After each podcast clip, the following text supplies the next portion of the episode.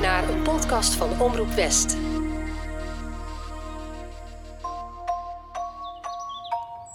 Ze was de stille burgemeester van Haastrecht. Eigenzinnig, soms verbitterd, maar ook een weldoener voor het dorp. Paulina Bisdom van Vliet. Wat liet zij Haastrecht na? Op het dorp gaan de wildste verhalen rond. Bij haar testament lag een geheimzinnig pakketje met brieven dat 100 jaar na haar dood geopend mag worden. En die dag komt steeds dichterbij. In deze podcastserie ga ik, journalist Liewe van Sloten, op zoek naar de erfenis van Paulina Bisdom van Vliet. Dit is Het Geheim van Haastrecht. Voor sommige mensen zal het een teleurstelling zijn, maar wij zijn er heel blij mee. Het is ja, zo kostbaar. Het is niet in geld uit te drukken zo kostbaar. Het is. Dit is dan echt de laatste aflevering. De aflevering waarin we eindelijk horen wat het geheim van Haastrecht is. Meer dan 100 jaar heeft Paulina Bisdom van Vliet iedereen met haar pakketje in spanning gehouden. Het gaat om een forse envelop, een paar centimeter dik en ter grootte van ongeveer een A4'tje, touwtjes eromheen en verzegeld. Laten we snel beginnen. Dit is de grote dag. Hier in de Overtuin. De tuin tegenover het voormalige woonhuis van Paulina Bisdom van Vliet. Hier gaat het gebeuren. Naast de bekendmaking van de inhoud van het pakket gebeurt er nog meer. De verenigingen zijn aanwezig, schilders werken aan een portret, er is muziek en het is echt een dag van Haastrecht. Eigenlijk een beetje in de gedachten van Paulina Bisdom van Vliet. Zij was er voor Haastrecht en deze dag, Paulina's dag, is ook dan ter ere van Haastrecht. Weet jij nog toen je dit voor het eerst hoorde?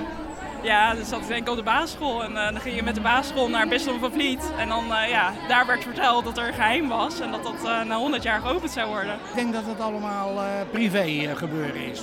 Foto's en dat soort zaken. Ja, ik denk wel iets voor het dorp. Ja. Zo'n vrouw was het wel, dus ja, misschien een leuk feest of zoiets. Ja. Ik zou het niet weten. Ik heb helemaal geen idee ervan. Ja, ik weet het gewoon niet, maar je ook een groot feest voor heel dorp. Ja, maar, dorpsgevoel. Ja, maar wat, dat is het toch al, een groot feest voor dorp? Ja, uiteraard, dat ook zo. Ja, daar zit een liefdesbrief in. Ja, dat is het enige wat kan. En een kilo liefdesbrieven, dus ze, had, ze was echt verliefd. Mijn kleinzoon was heel benieuwd naar dat pakketje. Dat vond hij het allermooiste van het hele Bisdom van Vliet Museum. Dat geheim, dat dat na 100 jaar pas open mag. Hij is nu 22, hij was toen 6. Ik denk dat het brieven zijn over een uh, geheime relatie of een geheim kind. Een buitenechtelijk kind. Want zij, uh, ze staat natuurlijk bekend om de vrouw die nooit een kind had en daarom een uh, zwaantje had. Als het, het kind wat ze als haar eigen kind zag. Maar wie weet staat er in deze brieven wel dat er eigenlijk wel een uh, zoon of dochter was. Nou, ik, ik zou het verrassend vinden als het haar visie op de toekomst was. En al vanuit 100 jaar geleden. Lijkt me gaaf. En vanuit een vrouw. Ik denk zo'n staafje goud. Voor het goede doel. Voor het onderhoud van het museum. Ik denk een briefje met iets erop. Uh, ik denk dat er een envelop in zit en dat erop staat dat er uh, geld naar, naar heel Haastrecht heen mag. Wij willen dat het niet allemaal uitgedeeld wordt, want wij zijn al van de overtuin. En wij willen dat het in stand gehouden wordt en niet uitgedeeld wordt. Want uitgedeeld is weg. En dan heb je pech. Maar het is op zich ook wel heel leuk de gedachte om iets van jezelf na te laten. En dat er over 100 jaar toch nog aan je wordt gedacht. Ik zou dat ook wel geloof ik heel erg leuk vinden. Ja. Nou, het kan ook nog een oud dagboek zijn. Met de hele levensgeschiedenis erin. Hè? Met de opmerkingen die ze wilde maken voor later. Dan krijg je ook een stukje geschiedenis mee, mee terug. Uh, dat zou op zich natuurlijk, zeker muziaal gezien, zou dat best wel mooi zijn. Wie weet. Dat is het mooie van een geheim, hè? dat we het niet weten. Toch? Ja. Na 100 jaar mag dat wel een keer open. Het was uh, toen ik op de basisschool zat. Hè. Ik zat in groep 7 en uh, wij werden rondgeleid uh, door het huis van Paulina Bisdom van Vliet, het museum. En nou ja, onder de indruk natuurlijk van alles wat we daar zagen, maar ook wat daar verteld werd. Het pakketje dat zij heeft nagelaten, dat 100 jaar na haar dood geopend mocht worden. Dat was toen als kind, voelde dat nog heel ver weg. Volgens mij moesten we nog 17 jaar wachten of zo. Nou ja, Dat is, moment is nu. En eh, ja, ik heb dit geheim mijn hele leven met me meegedragen. Maar dat geldt ook voor heel veel Haastechtenaren. Die hebben dit geheim, dat kennen ze ook al heel hun leven. En heel hun leven zijn ze eigenlijk nieuwsgierig naar dit geheim. Het is echt iets waar ze heel hun leven naar uit hebben gekeken. Ze hebben de verhalen gehoord. Je hoorde het in de eerdere aflevering via, van de overlevering. Verhalen van hun ouders, van hun opa en oma. Die Paulina Bisson van Vliet nog hebben meegemaakt. Nou ja, en dan nu eh, het moment dat we eindelijk weten wat zij heeft nagelaten. Ja, de spanning is groot natuurlijk. Turn down the lights, turn down the bed, turn down these voices inside my head. Lay down with me, tell me no Ik sta helemaal te trillen, joh. Ja? Is niet normaal. Echt eh, van de spanning. Ja, ja, het is nog een minuut of uh, 10, 15. Dan wordt het eindelijk onthuld. Ja, ik, echt. Mijn hart zit in mijn keel. Ik heb het warm. Het is ook heel heet. Ja. Wil je een dekstrootje? Dat je even lekker suiker... Ja, ik heb, ik heb het eventjes nodig, ja. En dan misschien even een slokje water. Zal ik wel je tijdens de onthulling vragen? Ja, nee. Moest ik de podcast overnemen? Hoe ben je het momentum? Blijf jij hier? Ja. Zal ik daar nu? En jij hier? Goedemiddag, dames en heren, Haastrechtenaren, andere geïnteresseerde regionale en nationale pers. Hartelijk welkom op deze prachtige middag. Welkom in Paulina's tuin. Straks gaan we het hebben over het meest besproken pakketje van Nederland. Maar eerst ga ik een paar woorden wisselen met de voorzitter van de Stichting Bisdom van Vliet, mevrouw Ancora Dupin. Ja, daar gaan we. Ik uh, baan me even een weg naar voren tussen alle mensen. De cameraploegen die staan natuurlijk vooraan. Ik hoef daar bijna niet te vragen. Nee. Naast het bekendmaken van het geheim van Haastrecht hebben we nog een speciale onthulling vandaag. En u heeft het misschien al gezien. Daarachter onder de zwarte doek staat nog een uh, bijzonder object. Waarom juist vandaag nog een onthulling? Moesten we daar van Paulina ook uh, 100 jaar wachten? Daar hoefden we van Valina niet. Nou, misschien wel. Want, zoals een aantal ingewijden weten, uh, is het nog niet zo heel lang zo dat de overtuin weer bij uh, het museum hoort. En uh, een beeld voor Paulina in de achtertuin, ja, ach, dat ziet niemand.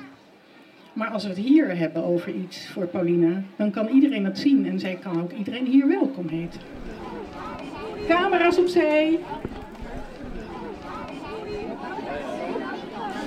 Wordt gezegd, alle camera's opzij, dan gaan die natuurlijk nooit opzij. Die gaan dan juist een stapje naar voren doen. Doe ik ook eventjes. Ik sta vlak bij het beeld, waar nu nog een uh, zwart doek overheen zit. De burgemeester uh, loopt daar nu naartoe. Dat is de voorzitter van de stichting, Ancora. Nou, die staan er met z'n tweeën en die trekken nu het doek langzaam van het beeld af. En dan zien we een prachtig beeld van Paulina Bistom van Vliet met haar hond Nora. En, gemaakt door Dick Aarts. Helemaal een beetje in, in de stijl van de andere beelden in deze, deze overtuin. Van bakstenen die afdruipen. Dan uh, gaan ze nu weer terug richting het, uh, richting het podium. En dan gaan ze daar uh, verder praten over het geheim van Haastrecht. Ja, ik begin op te merken dat vandaag, 8 september, een heel bijzondere dag is. En dat is een bijzonder, niet alleen omdat we 100 jaar, het 100-jarig bestaan van uh, uh, de stichting vieren, maar ook omdat we dat pakketje gaan openmaken. En wat zit er nou in dat pakketje? Er zijn zoveel ideeën over ontstaan. Bijvoorbeeld een buitenechtelijk kind. Of er worden prijzen uitgereikt, zoals in de postcode loterij. Of misschien moet het museum wel worden opgeheven en de collectie verkocht. Of misschien ligt er wel een pot goud in de tuin. Nou, dat is allemaal niet waar. Maar wat is het wel? We hebben van de week al een tipje van de sluier opgelicht. En dat is dat het voor ons van grote historische waarde is. Voor sommige mensen zal het een teleurstelling zijn, maar wij zijn er heel blij mee. Het is ja, zo kostbaar. Het is niet in geld uit te drukken zo kostbaar. Het is een dagboek.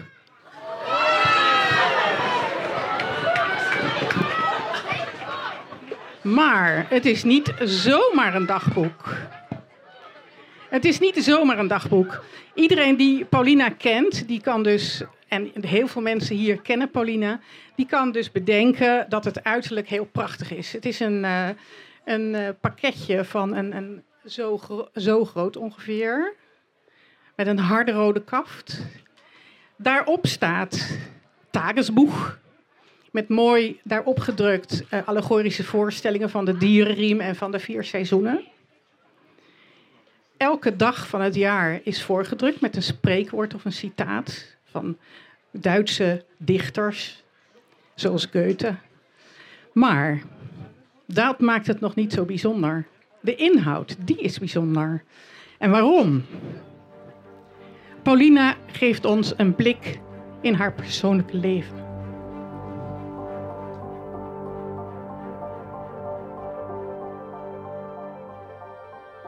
Het geheim van Haastrecht is een dagboek geschreven in het jaar 1882. En wat Paulina zelf noemt het moeilijkste jaar van haar leven. Ja, en wat staat er in dat dagboek? In dat dagboek, dat was, daar was het fonds zo waardevol. In het dagboek uh, staan haar gevoelens, haar gedachten, herinneringen aan mensen die haar dierbaar waren. Uh, ze, spreekt, ze schrijft heel erg veel over uh, het verdriet om het overlijden van haar man. Ja, het is echt roerend om te lezen. Ja, wat deed het met jou toen je het las? Ja, ontroerend, zei ik al. Ja. Waarom? Ik heb zelf ook een man verloren, dus dan weet je het. En heb je toen ook gebruik gemaakt van een dagboek? Nee, dat dan weer niet. Marco Bakker, beheerder van het museum. Het Geheim van Haastrecht is een dagboek wat eigenlijk meer een soort rouwverwerking is dan een echt dagboek. Ja, omschreef je goed hè? Ja. Uh, want welke, wat voor rouw verwerkt zij in dat dagboek? Zij verwerkt de rouw van haar echtgenoot die een jaar eerder is overleden. Of eigenlijk het jaar na zijn overlijden, dat, dat, dat, daar, daar, zit, daar zit ze middenin. En dat schrijft ze van zich af. En dat is het dagboek geworden. En, en wat vertelt dat over Paulina? Dat ze toch wel heel erg van haar man hield. En dat ze daar toch ook wel heel erg onder geleden heeft dat hij vroeg, zo vroeg is overleden, op zijn 41ste al. En uh, ja, ze is eigenlijk heel openhartig. En dat soort reden denk ik dat ze het verzegeld heeft. Want ja, ze schrijft echt vanuit haar diepste gevoelens. En uh, dat is niet voor alle ogen bestemd eigenlijk. En ja, dus nu na 100 jaar mogen we eigenlijk meelezen. En dat is bijna ook wel een beetje gênant haast. Zo dat je denkt van oeh, ze is wel heel openhartig. Maar goed, ja, we hebben het toch maar onthuld. In een uh, andere tent iets verderop, daar zijn dus delen van het dagboek tentoongesteld, groot uitgeprint. En daar kunnen mensen langslopen, die kunnen het uh, bekijken en lezen ook. Zo Marion, had jij dit verwacht?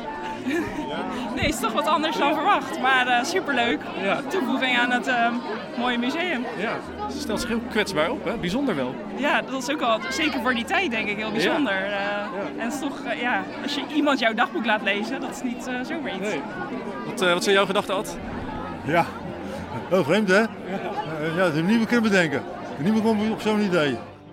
Alleen dat pakketje al. Dan denk ik, oh jongens. Ja. Ja, en dan te bedenken dat 60 jaar geleden naar de middelbare school ik hier voorbij fietste. En dat was altijd al heel geheimzinnig. Geweldig. Gottes werk, zo wil es bevelen, is mijn mensenwerk wits untergehen. Fantastisch. 17 Januari. Wauw, wauw, wauw. Tagebuch. Geweldig. Super. Oude envelop. Niet te openen voordat er 100 jaar na mijn sterfdag zijn verlopen. Pauline Bisdom van Vliet. Het is Super, dat heeft ze met haar eigen handen dichtgeknoopt. Geweldig, geweldig, geweldig. Ja. Heel erg mooi. Ja, super.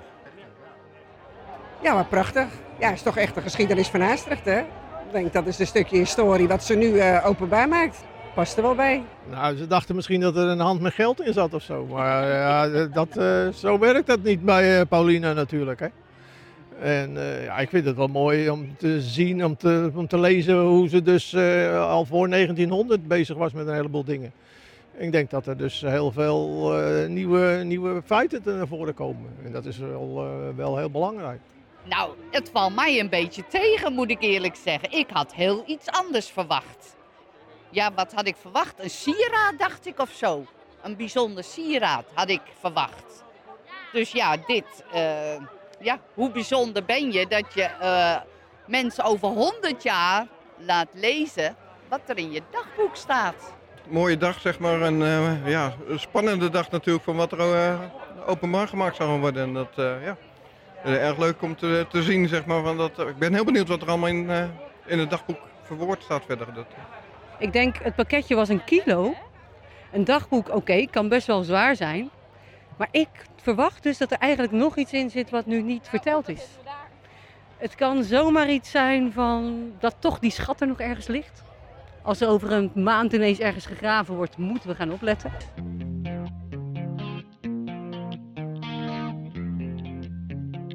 Cora Dupen, eh, voorzitter van de stichting Paulina Bisdom van Vliet. Waarom heeft Paulina ervoor gekozen om dit dagboek zo lang te bewaren? Ja, Pauline was natuurlijk een eh, dame van standing. En dan is toch het uiterlijk belangrijk. Dus je laat je verdriet niet zien. En eh, zij heeft dus ook niet gewild dat mensen al vrij snel van dat verdriet op de hoogte zouden zijn. Vandaar dat ze ook geschreven heeft pas te openen na 100 jaar na mijn dood. Ja. Een soort masker hè, heeft ze dan voor willen houden. Ja, ja, ja. ja, ja. Maar Maar, dat was ook wel gebruikelijk. Ja, maar uiteindelijk heeft ze het toch gedeeld. Ja. Je zou kunnen zeggen, nou, neem het helemaal je graf in. Ja, dus dat is het mooie voor ons. Ik weet ook wel dat Waarom ze... heeft ze het dan toch gedeeld? Ja, dat weet ik niet. Dat, die vraag is voor mij ook niet duidelijk. Of althans, op die vraag heb ik geen antwoord. Ik weet wel dat ze bijvoorbeeld ook eh, eh, heel persoonlijke dingen van haar vader, die heeft zij verbrand. Daar had niemand iets mee te maken. Hè, dus ook brieven en dat soort dingen. Maar haar handdagboek is eh, bewaard gebleven. Ja, ik denk dat je het om moet draaien. Ik denk dat ze niet heeft gezegd het moet openbaar gemaakt worden, maar het mag 100 jaar niet openbaar gemaakt worden. ze hadden het ook kunnen verbranden, toch? Ja, dus dat is op zich ook wel weer bijzonder. Dat ze toch ook het zo waardevol vond dat ze het niet eh, wilde vernietigen. En eh, nou ja, wat ik zelf dacht van ja, misschien zijn het wel brieven wat erin zitten. Een brief tussen haar en haar echtgenoot. Nou, dat zijn het dus niet. Dus die brieven zijn er dus ook niet. Dat zullen we ook nooit meer vinden waarschijnlijk. Dus die zijn waarschijnlijk wel vernietigd. Dus, en dit, ja, misschien had het toch bij haar symbolische waarde om het, om het toch maar te bewaren. Wat we niet wisten, dat is dat Paulina, voordat ze Johan leerde kennen, met een andere man had willen trouwen. Maar dat mocht niet van haar vader. Dat was in die tijd zo. Ik hoorde je zeggen in het praatje, ze was ook nog verliefd op een andere man voor Ja. Johan Jacob. Wie was dat? Ja, dat laat ik even maar in het midden. Waarom? Nee, dit laat ik even zo. Komt Mogen- misschien later. Ja, komt Dat, dat, misschien is, wel dat later. is wel bekend geworden uit het dagboek. Dat is bekend geworden uit het dagboek en dat wisten we nog niet. En eh, dat is voordat Johan Jacob in beeld kwam, hè? Je zei ook, ze mocht niet met deze man trouwen. Waarom niet? Dat weet ik niet. Het mocht niet van vader. Dat was het. En ze mocht wel met Johan Jacob trouwen. Kennelijk wel, ja. ja. En eh, deze andere man, waar ze zo verliefd op was, daarover schrijft ze ook in het dagboek dus. Daar schrijft ze twee keer over. Ja. Eén keer op zijn geboortedag en één keer op zijn sterfdag, want hij is ook overleden. ja. En dan kunnen we dat zien op de pagina's? Nee, dat heb ik nou weer niet. eh, Nee. Dat is nou weer een extra tipje van de sluier. Waarom zo geheimzinnig? Ja, omdat, eh, ja, ik vind het natuurlijk leuk, maar we hadden ook maar een beperkt aantal eh, panelen natuurlijk. Dus wie weet komt er later nog iets over. Maar dat, zullen we, dat gaan we allemaal in alle rust besluiten als bestuur. Dus er- komt nog een moment dat dit naar buiten komt. Dat is een te snelle conclusie. Komt dit naar buiten? Houden jullie dit voor jezelf? Dat is inderdaad de vraag of het naar buiten komt.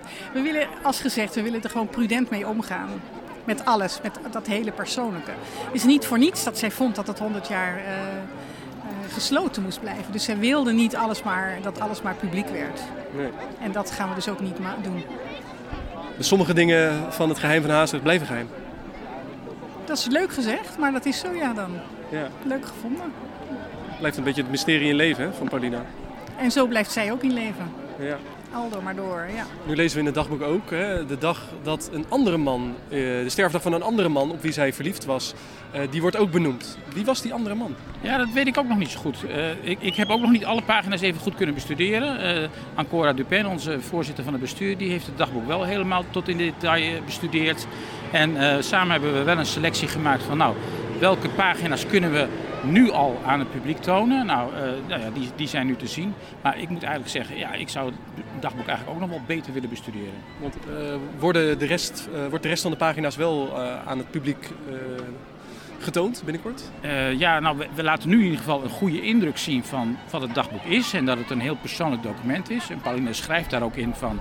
eh, je moet wel, eh, de lezer van deze bladen, die moet wel mijn smart respecteren, mijn lijden respecteren. Dus ik denk dat dat de belangrijkste boodschap is. En wat ze nog meer schrijft, ja, da- daar willen natuurlijk een heleboel mensen wel graag nog verder studie van maken. Maar ja, ik denk dat het ook heel belangrijk is dat we haar wens respecteren. Dat, dat we met, met respect omgaan met wat ze schrijft. Dus misschien zullen we een deel van het dagboek, de inhoud daarvan, ook nooit te weten komen. Dat blijft dan altijd voor de stichting. Eh, ja, dat zou kunnen, maar goed, dat, dat klinkt dan een beetje zo van alsof de stichting het andere mensen niet gunt. Maar zij hebben natuurlijk ook een taak, en zo voel ik dat zelf als beheerder ook, dat we toch wel een beetje haar nalatenschap moeten koesteren en daar ook zorgvuldig mee moeten omgaan. Want als wij het niet doen, ja, wie doet het dan wel? Dus ja, eh, hè, wij, wij, wij hebben die opdracht gekregen, zo voelen wij dat. En eh, ik denk dat het ook heel verstandig is om dat heel zorgvuldig af te wegen, inderdaad. Ja.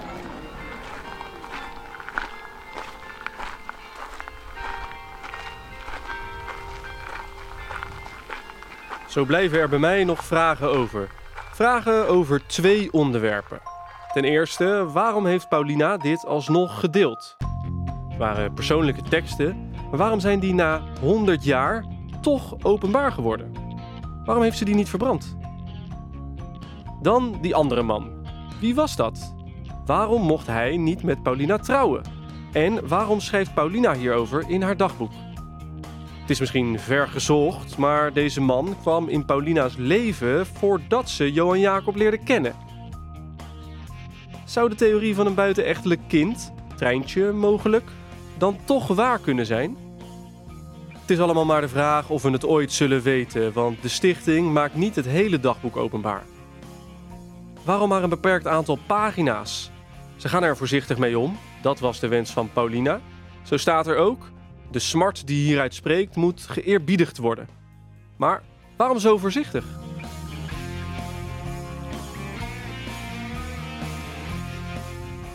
Dan toch nog even dit. Ik kreeg vooraf veel vragen over de manier waarop het bekendgemaakt is. 1 juni was het 100 jaar na het overlijden van Paulina en vanaf dat moment mocht het pakket open. Vervolgens is het eerst in besloten kring geopend en pas na de zomer mocht iedereen het weten. Voor alle duidelijkheid, dit zijn niet mijn keuzes en ik heb er als podcastmaker ook niks mee te maken. Ancora Dupen, voorzitter van de stichting, legt het nog één keer uit. Nou, we wisten niet wat erin zat. En eh, we wilden er gewoon heel zorgvuldig mee omgaan. Dus kijk, 1 juni was die sterfdag. Dus toen was het zoiets van ja, dan gaan we het openmaken. We weten niet eh, wat erin zit, we weten niet hoe we daarmee om moeten gaan. Het wordt de zomer. We willen het rustig bekijken. En toen dachten we van nou, het is eh, juist ook omdat we de kinderen erbij betrokken hebben. Hè? Dus de, de, de kinderen die eh, prachtige kunstwerken gemaakt hebben. De scholen zijn nog maar net open. En eh, we dachten van ja, die moeten met hun nieuwe groep een kunstwerk gaan maken. En zo, zo kwamen we uit op 8 september. Omdat Ja. iedereen dan weer een beetje terug is van vakantie en noem alles op. Allemaal te, te begrijpen. eh, ook even eerlijk zijn tegenover elkaar. Eh, tegenover de pers zijn jullie niet altijd meewerkend geweest. Eh, dat bedoel ik niet als verwijt, maar als een constatering. Waarom, waarom die keuze? Wat bedoel je met eh, niet meewerkend? Eh, lang moeten wachten op, eh, op antwoorden. Niet mogen meekijken met het proces.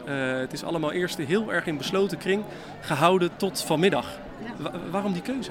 Ja, wij kiezen voor het. We willen het liefst zo klein mogelijk houden. Dat is eigenlijk altijd ons uitgangspunt geweest. Inmiddels eh, staan we nu eh, in het journaal van de NOS. Dat was helemaal onze opzet niet. Het is, we vonden het een Haastrechtse gelegen, aangelegenheid. Ja. En zo wilden we dat ook houden. Ja, en om het klein te houden, is dit dan wel de juiste keuze geweest? Dat kun je je afvragen. Ja. Ja. Want mensen gaan het natuurlijk allemaal opblazen en het maakt steeds. Maar ja, we merkten van tevoren wel. Ik denk dat het niet uitgemaakt had. Als we het op 3 juni openbaar gemaakt hadden, ja, dan was hetzelfde ontstaan. Voor die tijd was het ook al. We hebben zelfs boze brieven gekregen van mensen die vonden dat we het absoluut eh, eerder moesten bekendmaken. Want er was niet, eh, ja, we hadden geen respect voor hen. Ik dacht, ja, kom zeg. eh, bijzonder toch? Ja. De stichting wilde het eigenlijk heel klein houden en zo min mogelijk aandacht van buiten Haastrecht. Ze waren dan ook niet enthousiast over deze podcastserie. Nou, dit kun je een beetje in hetzelfde, eh, op dezelfde manier verklaren. We houden er niet van dat het zo'n hoop eh, gedoe wordt. En dat er van alles van kijk hier en dit en dat. Want dat is natuurlijk snel met een podcast. Ja, een podcast is gedoe. Vind ik een beetje gedoe. Ja, Wat bedoel je precies met gedoe? het stel je toch moeilijke vragen. Sorry. Ehm, ja, we willen geen heisa. Zegt je dat wat? Ja. Ja. Begrijp ik, maar eh, in hoeverre zou een podcast voor heisa kunnen zorgen? Ja, dat er allerlei mensen op afkomen stormen. Ja, dat hebben we nu natuurlijk ook. Maar dat hebben we geprobeerd om dat zo klein mogelijk te houden. Dat zei Ja. ik je al. Ja. Geprobeerd. Geprobeerd, ja. Het is niet gelukt. Nee. Dat zie je hier aan het... Aan het eh, Ja, ik vind het op zich wel heel prachtig dat er al die mensen hier uit Haastrecht nu hier zijn. Dat vind ik wel heel mooi. Ja. Toch ook wel blij met de aandacht ergens. Nou, voor Haastrecht. In de zin van eh, dat alle mensen uit Haastrecht zijn betrokken. Dat zie je, dat merk je. Er zijn zoveel mensen die zijn er hier. En ja, ik vind het ook heel belangrijk dat eh, eh, Paulina op die manier ook voor Haastrecht leeft. Als ik dit goed hoor, vindt de stichting de podcast gedoe en zou het heisa veroorzaken. Dat wilden ze niet. Maar als ze zagen hoeveel mensen er op de onthulling af zijn gekomen, dan is dat duidelijk niet gelukt. En aan het eind zegt Ancora dat ze het ook wel weer prachtig vindt.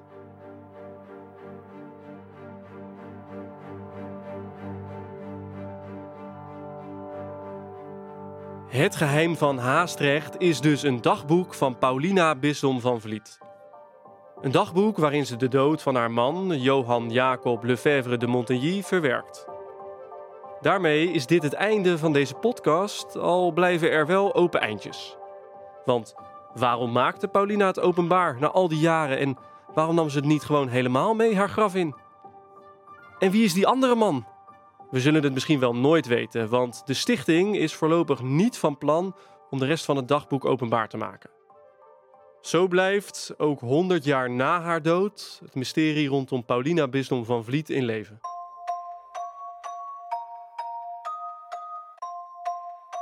Dit was het geheim van Haastrecht. Dank aan Richard Grootbot voor de begeleiding en technische ondersteuning. En een speciaal woord van dank aan Laurens van Rens, die de muziek verzorgde in deze podcast.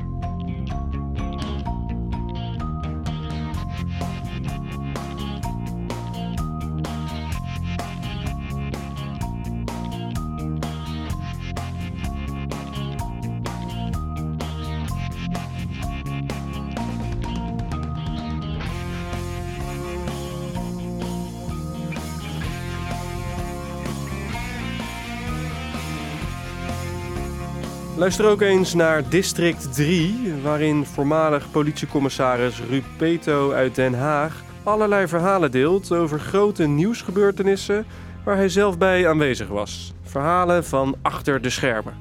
District 3 vind je in je favoriete podcast-app.